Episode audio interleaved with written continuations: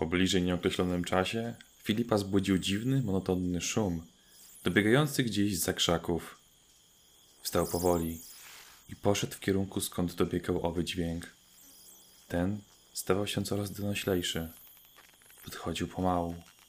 Wystawił dłoń do przodu i biegiem zajrzał za krzak. Owy szum momentalnie ustał, a młody chłopiec zobaczył kawałek dziwnej postaci poruszającej się bezszelestnie w buszu. Nie wiedział, co to jest, ale ciekawość mimo wszystko zwyciężyła i niepewnym krokiem badacza podążył za niezidentyfikowanym obiektem. W tym czasie para młodych leżała rozebrana na łóżku. Józefin wtulała się w chłopaka, a on delikatnie głaskał ją po włosach. Hej, Daniel, czy ty nie szedłeś czasem od zachodniej strony? No tak. Musiałem przeskoczyć przez dziwny płot, który nie mam pojęcia po co stoi. Józefin lekko się zestresowała. Po tym, jak rodzice powiedzieli o zakazie gospodarza, zaczynała się czuć jak w horrorze. I nie widziałeś nic podejrzanego? Choćby najmniejszego? Nie. Czemu? Las jak las. Jedynie co to wtepnąłem w jakąś maś. Coś jakby spore jajo? Buty całe mam przez to uwalone. Odetchnęła wewnętrznie z ulgą. Jednak oglądanie strasznych filmów na noc nie wyszło na zdrowie.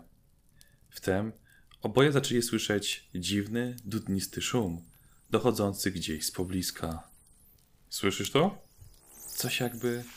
Nie wiem jak to opisać, ale tak. Dochodzi ze drzwi frontowych. Czekaj, sprawdzę. Daniel ubrał się, podszedł do drzwi, spojrzał przez Judasza, lecz nikogo nie było na zewnątrz.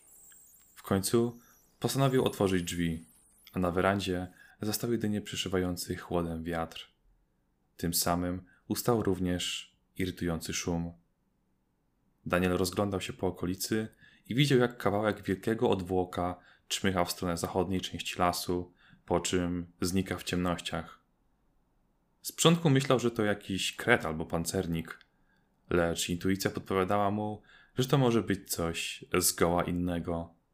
Wrócił do Józefin po bluzę i latarkę. Zaczekaj, pójdę sprawdzić, co to było. Chcesz mnie samą zostawić? Idę z tobą. A co jeśli to jakiś zabójca z piłą mechaniczną i maską hokejową czyha na nasze życie? Joze, tyle razy ci mówiłem, żebyś nie obrażała mojego wujka. Że co? krzyknęła przerażona. Żartuję. Chodź ze mną. Doskonale wiesz, że w horrorach giną tylko ci, co się rozdzielili. Józefin bez słowa ubrała się z obrażoną miną, po czym oboje poszli sprawdzić tajemnicze źródło dźwięku. Filip, podążając śladem dziwnego bytu, dotarł aż do drucianego płotu, oblepionego różnymi obostrzeniami i zakazami wstępu. Chłopak zawahał się, gdyż był ciekaw, co to mogło być. Jednakże z drugiej strony bał się iść dalej samemu, a tym bardziej łamać słowa danemu rodzicom. Niechętnie westchnął pod nosem, po czym zawrócił w stronę, skąd przyszedł. Gdy tylko zrobił pierwszy krok, jego ręce, tłów oraz nogi zaczęły się lepić do czegoś. Próbował się oderwać, szarpał się zawzięcie z czymś, czego nie mógł dostrzec przez wszechogarniającą ciemność. Na nic się zdały jego trudy. W trakcie, kiedy stał się tak bezradny, zauważył pod kątem coś błyszczącego. Przypatrzył się temu. Wyglądało na pajęczą sieć. Ale od kiedy pająki mają tak mocne sieci? Pomyślał. Nagle poczuł, jak coś kapie mu na ramię. Spojrzał w górę i zawył głośno. Lecz krótko. Słyszałeś to? spytała Jozo, obracając latarkę w bok. Co takiego? odpowiedział Daniel, świecąc na nią. Coś jakby krzyk. Był dosłownie momentalny. Dochodził z tamtej strony. Ja nic nie słyszałem, a słuch, wtem w krzakach, coś zaczęło się poruszać. Oboje wzdrygnęli się i momentalnie ucichli. Wymownym spojrzeniem onagliła Daniela, aby poszedł pierwszy. On sam zrobił to niechętnie. Zbliżał się pomału w stronę krzaków. Serce waliło mu jak szalone. Gdy miał już zerknąć, co jest za nimi, wtem wyskoczyła na niego wiewiórka, która uciekła po chwili na drzewo. Józefin odetchnęła z ulgą. Uff, jak widać, nie ma się czego bać. powiedział niepewnie. Józefin rozwarła szeroko usta, jakby chciała krzyczeć. No co, jednej wiewiórki się tak przestraszyłaś? Powiedział tym razem pewniej. Daniel zauważył, że jest przerażona. Zerkała wzrokiem tuż za niego. Spojrzał podejrzliwie, wymyślając się klasycznego motywu z horroru. Coś ze mną stoi, a ja tego nie widzę. Parsknął lekceważąco, po czym obrócił się za siebie i ujrzał wielkie pięć ciemnych oczu, pod którymi znajdował się aparat zębowy wielkości plecaka, duży odwłok wielkości jego samego oraz sześć włochatych nóg. Daniel krzyknął. Krótko. Bestia zatopiła swe kły w jego ciele, a Józefin krzycząc zaczęła uciekać czym prędzej w stronę chaty. Nad jeziorem wciąż leżeli Paul i Bev. Kobieta zbudziła się, słysząc z oddali głuchy krzyk. Wyczuwała niepokój. Rozejrzała się. Tuż obok niej brakowało Filipa. Czym prędzej zaczęła budzić męża. Paul! Paul, wstawaj! Co się stało? Filip zniknął, a ktoś krzyczał z tamtej strony. Wskazała palcem kierunek domu. Paul zerwał się na nogi. Szybko! Do chaty! Wyjął latarkę z kieszeni, po czym oboje zaczęli biec. W tym czasie Filip otworzył oczy. Włosy zwisały mu do dołu, a przez szpary kokonu przydzierały się wiązki światła nocnego. Zaczął krzyczeć przeraźliwie, lecz hałas odbijał się od ścian i tylko ranił go w uszy, aż dzwoniły. Wiedział, że tak łatwo się stąd nie wydostanie. Sieć była lepka i gęsta, a on nie miał niczego przy sobie, aby się uwolnić.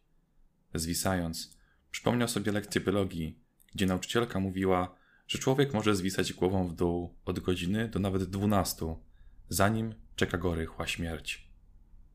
Jego rozmyślania zostały przerwane przez szelest. Usłyszał, jak coś sporego wychodzi z krzaków i zaczyna dreptać na drzewo. Stukot kończyn był coraz głośniejszy. Zbliżał się w okolice jego kokonu. To już ostatnie chwile, pomyślał ze łzami w oczach Filip. Już nigdy nie zobaczę mamy, taty, siostry. Rozpłakał się.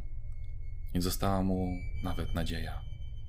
Pająk dotarł do kokonu Filipa i zaczął coś przegryzać. Po chwili chłopak runął na ziemię, rozwalając pajęcze więzienie, które zaobserwowało obrażenia. Był oszołomiony. Spojrzał w górę, skąd patrzył na niego wielki pająk. Ten czym prędzej zeskoczył w dół. Filip skulił się i schował twarz w dłoniach, czekając na wyrok. Ten jednak nie nadszedł. Stworzenie patrzyło na niego, mrugając przyjaźnie swymi ślepiami. Chłopak czuł się zdezorientowany, a jednocześnie rozpoznał ten typ zachowania u ptasznika. Wyciągnął ku niemu dłoń, chcąc go pogłaskać. Ten pozwolił mu na to, pomrukując nieśmiało. Nieco się rozchmurzył, chociaż dalej nie rozumiał, czemu został zaatakowany. Pająk złapał go za kołnierz, po czym zarzucił chłopaka na swój odwłok. On złapał za sierść i powędrowali razem w głąb lasu.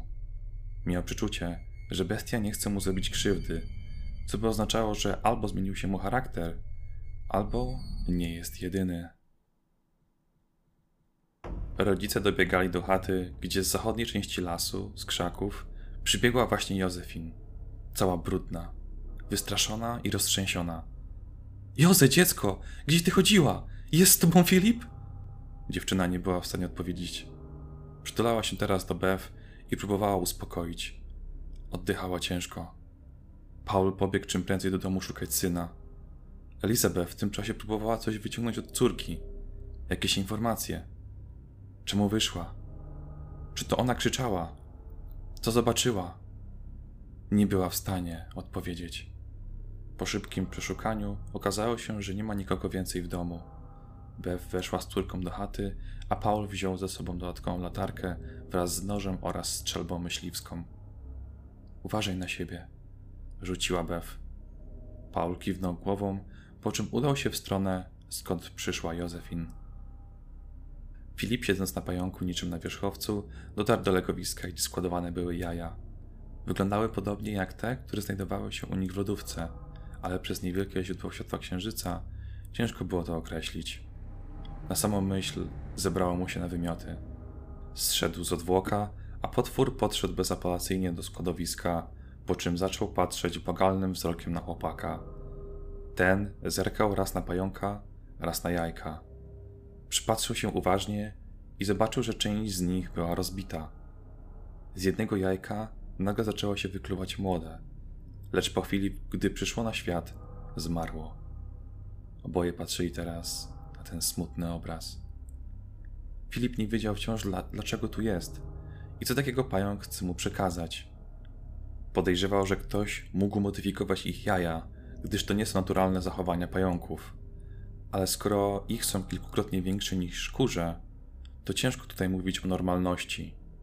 Chłopak postanowił sprawdzić, czy może zrozumieją, co mówi. Czy. czy ktoś zabiera wam młode? Zapytał niepewnie, wspomagając się gestami. Stworzenie rozwarło na niego oczy, po czym potrząsnęło twierdząco głową. Nie wiedział, co ma z tym zrobić, ani do kogo z tym pójść. Był w końcu tylko małym chłopcem, nic nieznaczącym w wielkim świecie.